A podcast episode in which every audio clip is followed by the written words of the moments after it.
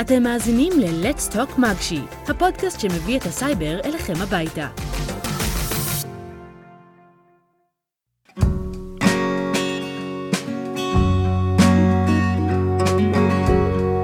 שלום לכולם, וברוכים הבאים לעוד פרק של Let's Talk מגשי.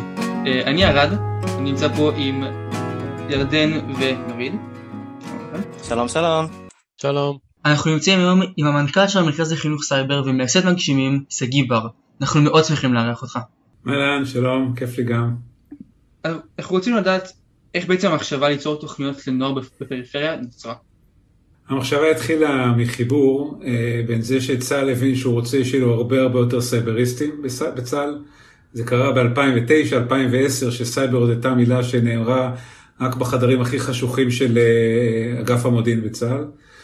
אה, ושרצינו להגדיל את כמות החבר'ה, שיהיו יותר אה, חבר'ה שמבינים בסייבר ורוצים להצטרף ליחידות טכנולוגיות וליחידות הסייבר, הסתכלנו על הנתונים וראינו שיש מעט מאוד חבר'ה בפריפריה. וכולנו ככה הרמנו גבה ואמרנו וואי איזה לא הגיוני זה. והחיבור הזה בין הצורך אה, להגדיל ובין הרצון לייצר יותר שוויון הזדמנויות, לתת לעוד חבר'ה בפריפריה להגיע למקום המופלא הזה, הוליד תוכנית מגשימים אי שם ב-2010. שגיא, רציתי לשאול אותך גם אה, למה זה בעצם כל כך חשוב לקדם את הפריפריה? אני חושב שלקדם את הפריפריה יש לה שתי חשיביות. מהזווית של צה"ל, אומר צה"ל, ככל שנביא אנשים ממקומות שונים, אנשים שונים, עם רקע שונה, עם תרבות שונה, עם דברים אחרים שהם אה, הביאו מהבית, אה, מה שהעולם אוהב, אוהב לקרוא לו diversity, שונות, אם נביא את זה לתוך צה"ל, צה"ל יהיה פשוט יותר טוב.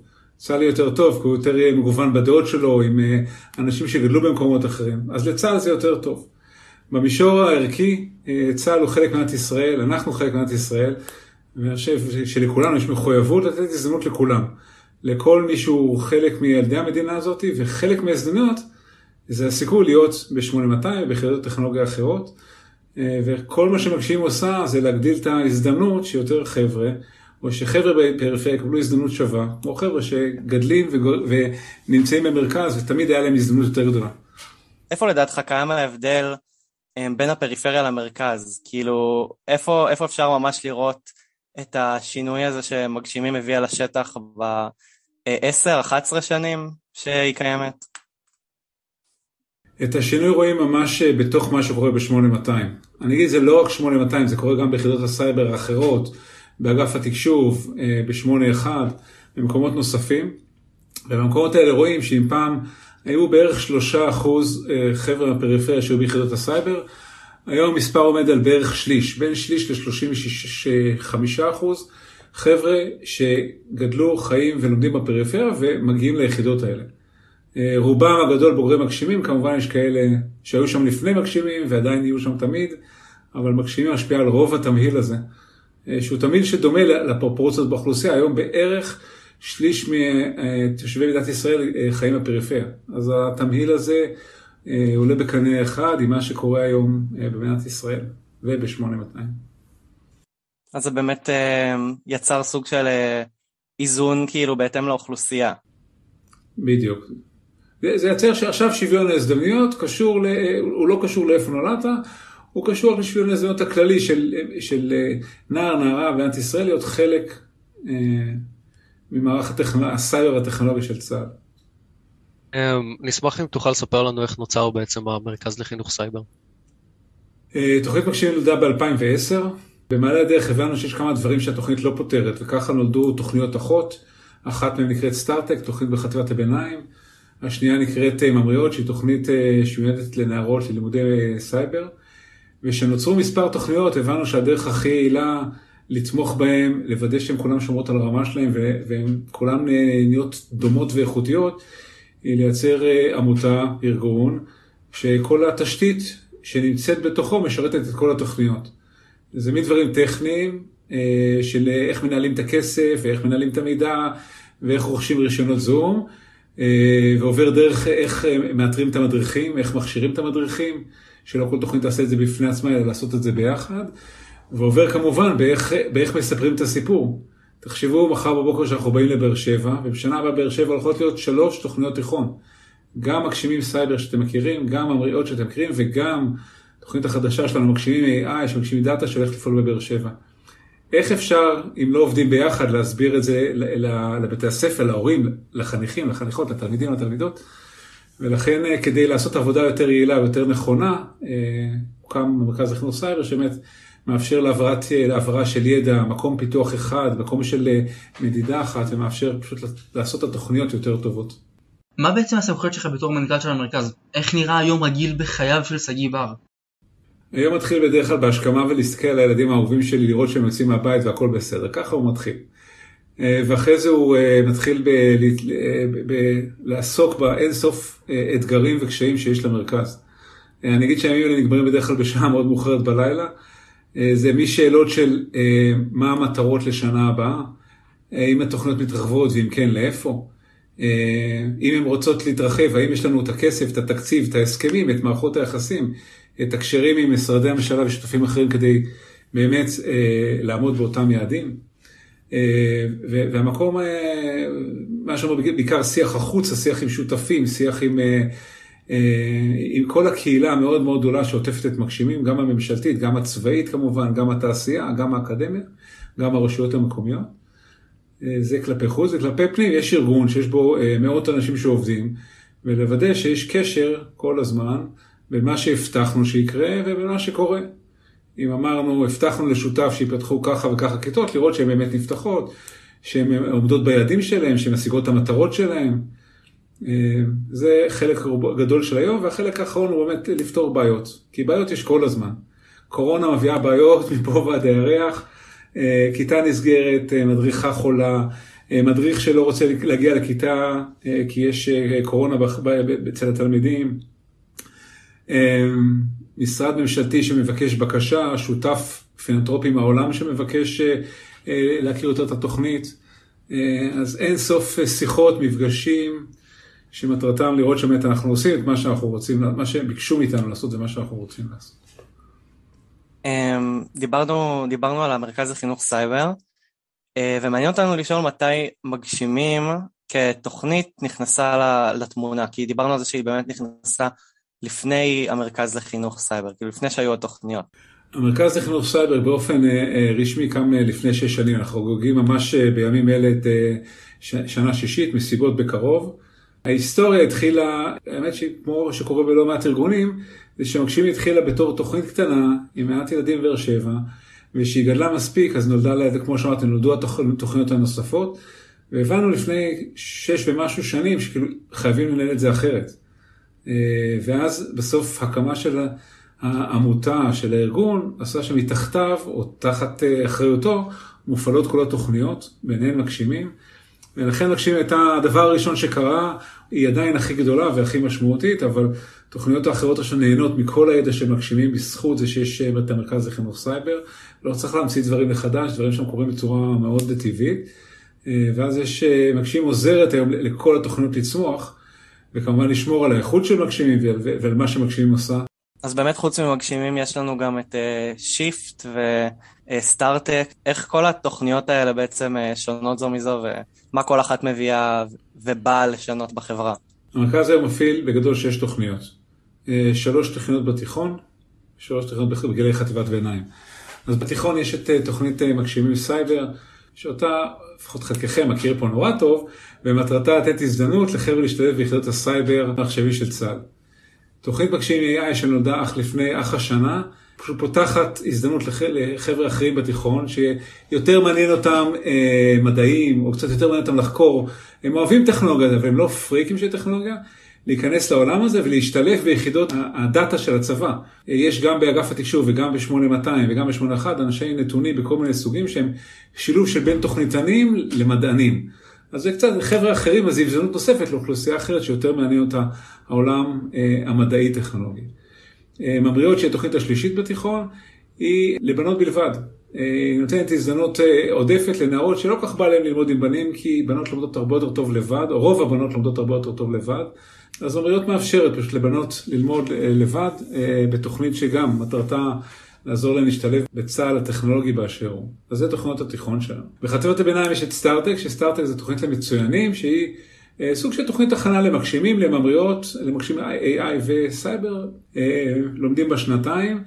ומי שגומר אותה, כפי הנראה נורא רוצה לעסוק, ללמוד את אחד הנושאים האלה, והסיכוי שלו הרבה הרבה יותר משמעותי להתקבל לתוכנית. לצד התוכנית הזאת קיימת תוכנית on top שאותה אתם לא מכירים, אני חושב, כי היא עוד ממש נמצאת בתוך בתי הספר, היא תוכנית שקורית בתוך בתי הספר. פיתחנו תוכנית לימודים נורא נורא מגניבה, שבה, שאנחנו מלמדים את המורים, נותנים להם חומרי לימוד ברמה נורא גבוהה, והם מלמדים את התלמידים בבתי הספר. גם לחשוף אותם לעולמות של מחשבים, טכנולוגיה, נתונים. התוכנית האחרונה, שיפט, היא תוכנית שהתחילה מדי מקום אחד, היום היא עושה דברים קצת אחרים, היום שיפט נותנת הזדמנות להרבה מאוד בני נוער מהפריפריה בגלל חטיבת הביניים, לראות מה זה, לראות שטכנולוגיה זה מגניב, מגניב לגמרי. אמרנו סטארט-אפ מיועדת למצטיינים, לאלה שממש ממש רוצים, לאלה שמוכנים להשקיע מלא, אז שיפט מיועדת לכולם, לכל ילדים בחטיבת הביניים, ברשויות שאנחנו עובדים איתם. בחלק מהמקומות אנחנו מדריכים, בחלק מהמקומות הצבא לוקח חלק מהכיתות ומדריך. זו תוכנית שנועדה לחשוף המון בני נוער בחטיבה לעולמות הטכנולוגיה והמחשבים. לכן יש שש תוכניות שכל אחד יש לה את הייחודיות שלה, כל אחד יש לה את הבעיה שהיא פותרת בעולם, או את הפער שהיא פותרת בעולם, זה לא בעיה, זה פער בין מה שאנחנו חושבים שצריכה להיות המציאות לבין איך שנראית המציאות. והשילוב שלהם ביחד עושה פשוט להמון המון ילדים בפריפריה ולהמון המון נערות. יש הזדמנות שבסטטיסטיקה עד היום לא הייתה להם. אז אנחנו נותנים מלא הזדמנויות. ספציפית מעניין אותנו לשאול גם לגבי הפערים של נשים. כי לרוב רואים במקומות טכנולוגיים יש פער בין גברים לנשים, וכמו שאנחנו רואים תוכנית ממריאות גם באה לשנות את המציאות הזאת. איך בעצם המרכז לחינוך סייבר פועל לשוויון מגדרי? הסיפור של שוויון מגדרי הוא עוד פעם סיפור של הזדמנות. הוא סיפור של לתקן תפיסות חברתיות שמושרשות בכולנו. כשאתם רואים אחר אבא או אמא הולכים עם תינוק קטן ברחוב, אתם מסתכלים על הצבע של הבגדים ואתם ישר יודעים אם זה בן או בת, כי אי אפשר להבדיל בתינוקות קטנים אם זה בן או בת, אבל ורוד זה ברור שזה בת לכולם, ותכלת ברור שזה בן. החוסר, התפיסה החברתית הזאת שאומרת שבנים ובנות שונים, הולכת לגילאים קצת יותר, ממשיכה ומלווה אותנו גם בגילאים יותר מבוגרים. שיש חוג מחשבים, אז אתה מעביר ישר את ה... וואי, בן שלי, בוא תראה, יש פה חוג מחשבים מגניב. ויש חוג ריקוד, יא, בת שלי אהובה, בואי תראי שיש חוג ריקוד, אבל למה, מה, כאילו, בת לא יכולה מחשבים והבן לא יכול ריקוד? אבל אנחנו מתוכנתים ככה, שנים, ההורים שלנו דיברו אלינו ככה, אנחנו מדברים לילדים שלנו. אני מקווה שאתם לילדים שלכם כבר לא תדברו ככה, אבל עדיין זה בתוך החברה. את הדבר הזה אנחנו מנסים להגיד, חבר'ה, יש פה משהו אה, שהוא, אה, שהוא, לא, הוא לא, הוא לא צודק. כי להיות בטכנולוגיה הוא, הוא, זה דבר מופלא, וזה לא משנה אם אתה גבר או אישה, אה, או, או, או אג'נדר, כל מי שאתה יכול לעסוק בטכנולוגיה. זה מדהים, זה מהמם. לגמרי. אה, ו, ולמדנו המון זמן במה אה, מפריע לנערות בתוכניות הקיימות. וראינו שנערות קצת לומדות אחרת מנערים, ולכן היה צריך לעשות תוכנית שהיא קצת מותאמת יותר לנערות. אז למשל, יש שתי מדריכות בכיתה ולא מדריכה אחת. אנחנו מנסים שחלק גדול מהמדריכות יהיו מדריכות. אנחנו מנסים שיהיו מנטוריות אה, אה, גם מהצבא וגם מתנדבים מגניבים, נגיד מתוכנית מגשימים וממריאות, שיבואו ויראו אה, לנערות בכיתה י' שזה ממש לא רק הם יהיו בהייטק, כי יש מלא אנשים בצבא ובהייטק שהם נשים, והם יכולים להיות חלק מזה. אז הדבר הזה הוא כן, עוד פעם, לייצר הזדמנות במקום שה... שהחברה, עוד פעם, אף אחד לא עשה את זה בכוונה. זה החברה בישראל, לא רק בכל העולם המערבי, לאורך שנים, ואנחנו מנסים לשנות את זה. אך לפני לא הרבה שנים בארצות הברית, אסור לנשים היה להצביע בבחירות, בבחירות לנשיא ארצות הברית. זה שונה לפני הרבה שנים, אבל יש עוד דברים שלא הצלחנו לשנות. אנחנו, העולם המערבי, אנחנו המבוגרים, וחלק מהמחויבות הזאת, וכחלק מהצבא, לראות הרבה יותר נשים. כשמדברים על diversity זה לא רק, או על שונות, זה לא רק פריפריה, זה גם שבחדר יהיו המון אנשים אה, מהכל. יותר, כשאיזון, או משהו שדומה לאיזון מגדרי, למשהו שדומה לאיזון גיאוגרפי. כי בסוף האיזון הזה, או השילוב הזה, הוא מה שעושה אה, את הסייבר יותר טוב, את 8200 יותר טובה, את, את יחידת לוטם יותר טובה, וכשהם יותר טובים, אז, אנחנו, אז יש לנו צבא יותר טוב, אנחנו יותר מוגנים, וכמובן, זה נכון לגבי התעשייה, זה נכון לגבי האקדמיה, זה נכון לגבי עם ישראל באשר הוא. בתור בן אדם שהקים תוכניות בסדרי גודל כאלה, מה זה דורש בעצם, ומאיפה בן אדם יכול להתחיל לעשות משהו כזה? כדי לפתור בעיה באמת, צריך לדעת מה הבעיה שרוצים לפתור. עכשיו זה משפט, תגידו זה בעיה, שאלה טריוויאלית, נכון? כאילו, רק אנחנו רואים שבבעיות גדולות ובעיות מורכבות ובעיות ש... שקשה להבין מה המקור שלהם ומה הסיבה להם, אה, המון פעמים אנשים חושבים שהם יודעים מה הבעיה ורצים לפתור.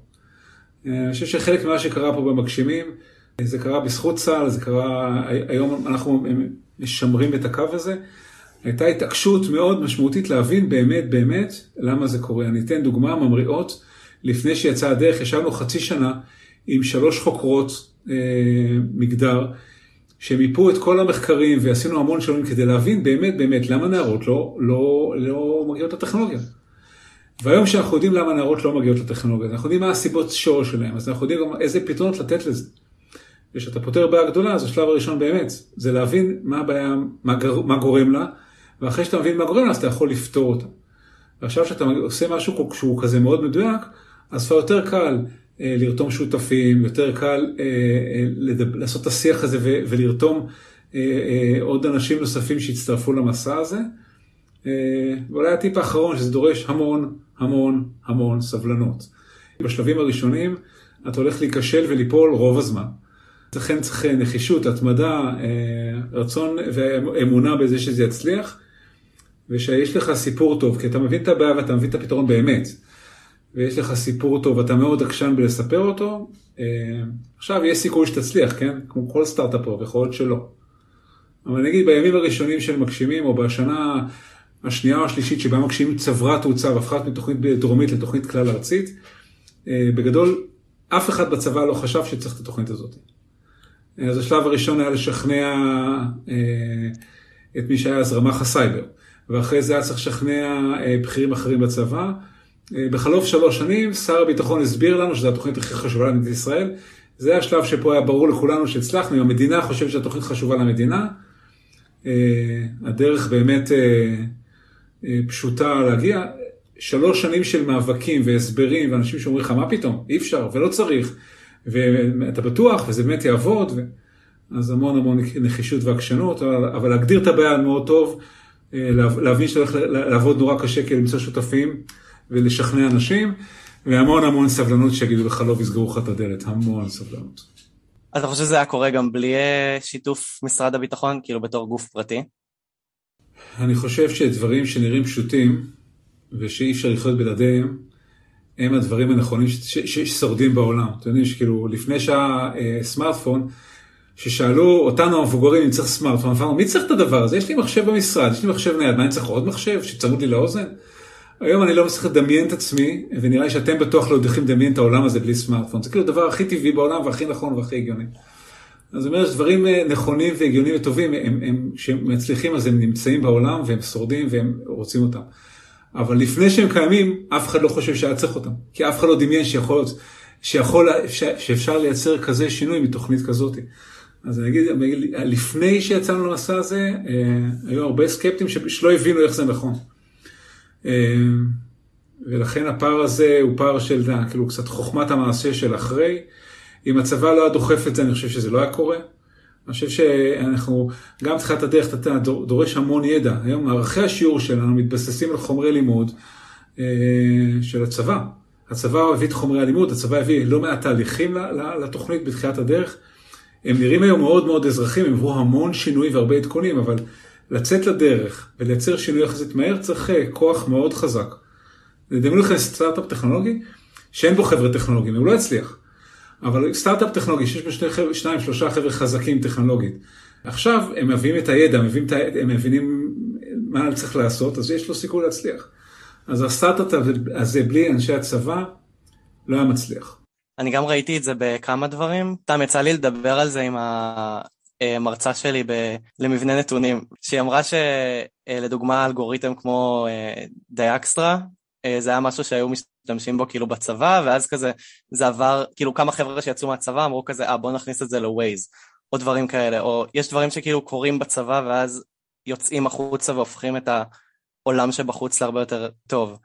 לגמרי, לגמרי. זה, זה, המון מהטכנולוגיות שאנחנו רואים, אה, בטח בישראל, הרעיון להם נבע בתוך הצבא. וכל עוד עושים את זה, עוד פעם, בעיניי זו שאלה מאוד ערכית, כל עוד עושים את זה בלי לפגוע בצבא ובלי לפגוע ביכולות שלו, וכן משתמשים באיזה רעיון שעלה לי תוך כדי, אז זה מעולה. מצ'ק פוינט האגדית, שכל הרעיונות שלה התגלגלו במסדרונות 8200 לפני שהיא נולדה, טבולה ואחרות, באמת כל החברות היוניקורן שמדברים עליהן, חלק גדול מהם נשענים על ידע שאנשים, הברקה, רעיון, התאמה של טכנולוגיה צבאית לעולם האזרחי, איזה שינוי כזה. כל עוד שומרים על הדבר הזה זה מעולה, יש כמה מקומות, ואתם קוראים עיתונות כמוני, שלקחו את זה צעד אחד יותר מדי. אז מבחינת העתיד, אנחנו דיברנו על העבר ועל ההווה, איפה אתה רואה מבחינתך את המרכז בעוד חמש שנים, בעוד עשר שנים? אמ, איזה מטרות אתה מצפה ממנו להשיג? המטרות של המרכז מאוד uh, כתובות ומאוד ברורות. אנחנו מבינים שאנחנו רוצים בסוף כמטרה להגדיל את הסיכויים של בני נוער שיש להם מעט הזדמנויות, זה יכול להיות מהפריפריה, זה יכול להיות נערות, זה יכול להיות אוכלוסיות נוספות, להגדיל את הסיכויים של אותו נער או נערה, להיות חלק אה, אה, מעולם ההייטק, חלק מ... בתפקיד בהייטק, במקום הרחב שלו. תפקידי הייטק זה יכול להיות גם איש ה-IT של בנק דיסקונט, וזה יכול להיות גם... אה, המורה למחשבים, וזה יכול להיות גם איש האקדמיה, זאת תפקידי ההייטק במושג במובן הרחב שלהם, וכדי להגדיל את ההזדמנות של בני נוער באמת להשתלב בעולם התעסוקה במקומות האלה, אנחנו יודעים, מבינים שהמטרות אה, טווח קצר שלנו, הם אה, שיותר בני נוער ילמדו מחשבים, ברמה גבוהה ובאיכות גבוהה, וככל שנערות ונערים ילמדו יותר מחשבים, הסיכוי שלהם גדול משמעותית להיות אחרי זה חלק מעולם תעסוקה משמעותי. אה, ולכן היעדים שלנו מכוונים היום להגדלת היקפי הפעילויות של התוכניות, להרחיב אותם, שיותר בני נוער יהיו חלק מהתוכניות, אה, ברמה של בין להכפיל לשלש, תלוי בתוכנית, בתיכון. אה, וכדי לעשות את זה אנחנו צריכים לפעול גם בגילאי חטיבת הביניים, כדי שיותר בני נוער ייחשפו ויבואו ויהיו חלק מהתוכנית. ולכן יש יעדים של באמת הגדלה והכפלה, לפחות הכפלה של הפעילות שלנו. אה, בטווח של חמש שנים, אה, סביב אותן מטרות אה, שאמרתי קודם. אתה בעצם המנכ"ל של מרכז לחינוך סייבר, אבל איך הגעת לעולם הזה? איך אתה, מאיפה התחילה ההתלהבות שלך בקשר לעולם הזה בעצם? זה חוזר אחורה ל-2010. ב-2010 כאמור מגשימים כמה לחיים, ואני אחרי קריירה של 20 משהו שנה בעולמות הטכנולוגיים, הכשרה שלי מהנדס, עמוק בתוך הטכנולוגיה של 81. ואני לקראת שחרור מהצבא, אחרי הרבה שנים אמרתי תודה רבה, רוצה ללכת לאזרחות, אה, לנהל איזה חברת אה, סטארט-אפ או להיות אה, שותף לאיזה חברת תעשייה כזאת או אחרת. והסייבר שמתחיל להתעורר, ומטה הסייבר הצה"לי שמתחיל להתעורר, הם מחפשים מישהו שיקח את הנושא של, של פיתוח ההון האנושי, כאילו כן לתת מענה בתוך הצבא, למה זה סייבריסט, ואיך בוחרים, ומה עושים, ומאיפה הם מגיעים. אה, ובמקרה או שלא במקרה, מי שמנהל את המהלך הזה אה, מזמין אותי לשיחה ואומר בוא תהיה אחראי על, על התחום הזה. קוראים לזה ראש ענף פיתוח הון אנושי, זה שם ככה נורא גדול בסייבר.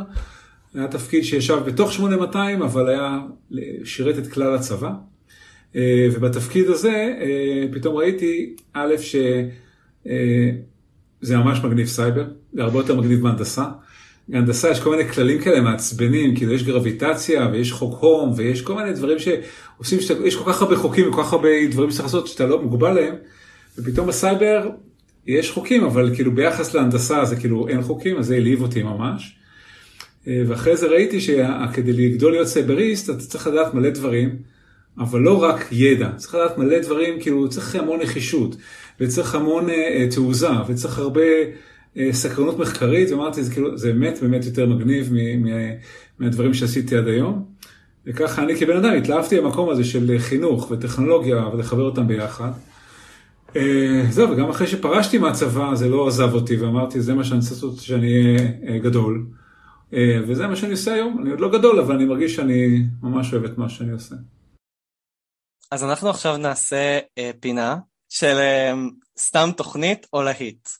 אז אנחנו בעצם נציג לשגיא תוכניות, רעיונות לתוכניות um, שמתמקדות בסייבר, אבל עם טוויסט מיוחד, ושגיא צריך להגיד לנו האם להשקיע בתוכנית הזאת או לא להשקיע בתוכנית הזאת. אז נלך על אה, דבר ראשון, שקיים כבר uh, שנה ראשונה, uh, שזה באמת מגשימים בדגש על AI.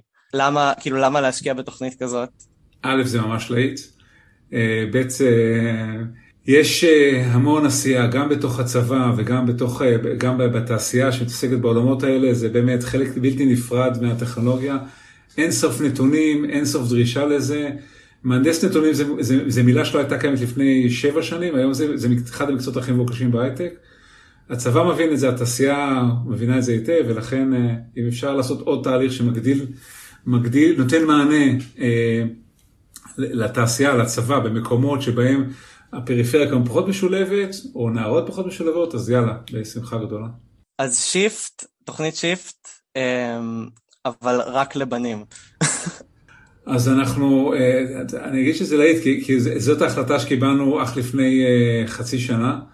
אה, אך בהרבה דילמה, היא עושה דברים אחרים שיפט לבנים, היא עושה שיפט לפריפריה. כי, שיפט, כי פתאום הבנו ש, שיש מלא ילדים, בנים ובנות בפריפריה, שאין להם הזדמנות. זאת אומרת, בואו נעשה דבר הזה שיפט, בואו ניתן הזדמנות לכולם, באמת, לא רק למצטיינים, לא רק לחזקים. אה, ושיפט הוא מותג נפלא והוא עושה דברים מופלאים, אז הוא ממשיך לעסוק אה, בתוך, בתוך התוכניות, הוא ממשיך להיות מגדרי, ומחוץ לתוכניות, במרחב הציבורי הגדול, הוא תוכנית אה, לא רק לנערים ונערות ביחד. אוקיי, okay, תוכנית מגשימים פייתון. התוכנית מתמקדת רק בפייתון, מתוך אהבה בלתי מוגבלת לדן הפייתון. שאלה טובה, יכול להיות, אה, לא יודע אם זה להיט אה, או לא, אבל, אבל אה, זה שאלה פעם, אם זה פותר בעיה בעולם, אמרתי, התוכ, התוכנית זה פתרון. אם יש בעיה שצריך לפתור, ובאמת אנחנו רוצים שמלא מלא ילדים ידעו פייתון כי זה נורא נורא חשוב, אז יש מקום לתוכנית כזאת. אפשר, אפשר לשתף את דנה, אפשר, אפשר להזמין את דנה. ש... כן. דנה תשמח להוביל תוכנית כזאת. אוקיי, okay. מגשימים security, שזה בעצם מגשימים רק בדגש בעיקר על הגנת סייבר. אה, זה אני לא יודע, זה קצת תלוי מה זה ואיך זה, וכאילו אה, מישהו בעולם יחשוב שכאילו יש עכשיו 20 ילדים שזה נורא יגניב אותם, בני נוער שזה נורא יגניב אותם ונכון לעשות את זה. אני מחפש תוכניות, או בעיניי להשקיע בתוכנית זה רק משהו שיש לו מאות או אלפי ילדים. שיעניין אותם, ושיש מספיק תפקידים כאלה בעולם. אה, אז משהו שהוא נורא נישתי, אז אני פחות מתלהב ממנו. האם, האם יכול להיות שמישהו צריך להקים אותו? יכול להיות, אני פחות מתלהב עם משהו שהוא ל-20 בני נוער שהכי מגניב אותם, הקצה של המשהו של הצ'ופצ'יק שלה, פחות מלהיב אותי. התוכנית הבאה זה מגשימים full stack, מגשימים שמתעסקת אממ, רק בפיתוח full stack, בלי סייבר. וזה עוד פעם, זה נראה לי כמו הפייתון, זה כאילו נראה לי אותה משפחה, צריך לראות אם יש מספיק ביקוש, אם יש כאלה, ביקוש גם מצד הבני נוער, האם כאילו לעשות עכשיו שלוש שנים רק תכנות, אה, לא משנה, האם זה מספיק מעניין, מגניב ונחמד. אה, האם הצבא צריך אנשים כאלה? עוד פעם, נשמע לי ששווה בדיקה. תוכנית נוספת, תוכנית ללימודי ה kernel לכיתות ז'-ח'-ט'.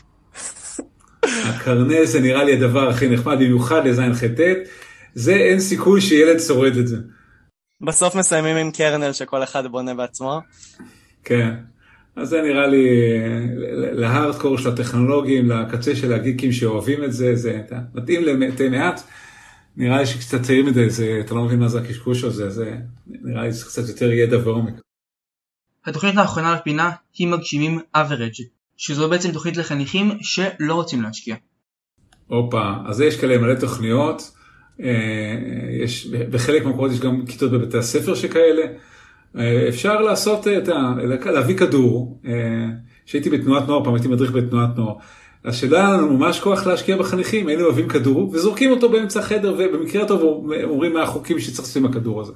אז זה בכיף, זה נחמד, אני בעד לגמרי, רק התועלת של זה היא חברתית, היא מגניבה, יכול להיות שאולי גם ספורטיבית, אבל אם זה מה שאתם מחפשים בחיים, אז לכו לחוגי כדורסל, אה, מקומות כאלה שעושים דברים מגניבים כאלה. אוקיי, אז סיימנו את הפינה, אה, ועכשיו נחזור לרעיון שלנו עם שגיא. אז באמת בואו נסכם ככה את הרעיון, ורצינו לשאול אותך, שגיא, אם יש לך ככה טיפ אחרון לחניכים שלנו, ובכללי לחניכים של המרכז לחינוך סייבר. אני אגיד שהטיפ שלי נורא קשור לתקופה הזאת. היא תקופה נורא קשה להיות בבן אדם, היא תקופה, תקופה שנורא קשה להיות במבוגר, אבל הכי קשה להיות בנער או נערה. אה, ובתקופה המאוד קשה הזאת שהכל סביבכם רועש, גועש, מבולבל, תזכרו שהעתיד שלכם הוא שלכם. נורא קשה, קל היום לעבור משיעור מגשימים בלחיצת כפתור בזום לשחק בפורטנייט, זה קל, זה, זה לחיצת כפתור. אה, אבל העתיד שלכם הוא בידיים שלכם, והיכולת שלכם להשפיע עליו, היכולת שלכם להגיע למקומות מגניבים בצבא, היכולת שלכם להגיע אחרי זה לאיפה שאתם רוצים בתעשייה, הוא מה שאתם עושים היום. תשקיעו בזה, תתאמצו עם זה, אני ממש מבין שזה קשה מאוד בעת הזאת של הקורונה, אל תוותרו לעצמכם, אל תוותרו לעצמכם. אתם כאילו, שתהיו מבוגרים, תצטערו על זה. אז אל תוותרו לעצמכם, זה כאילו, אתם בדרך לשם. שיהיה לכם בהצלחה, וואי, איזה טירוף זה. תודה רבה, היה מעניין ברמות. תודה רבה שהשתתפתם, ונתראה בפרק הבא.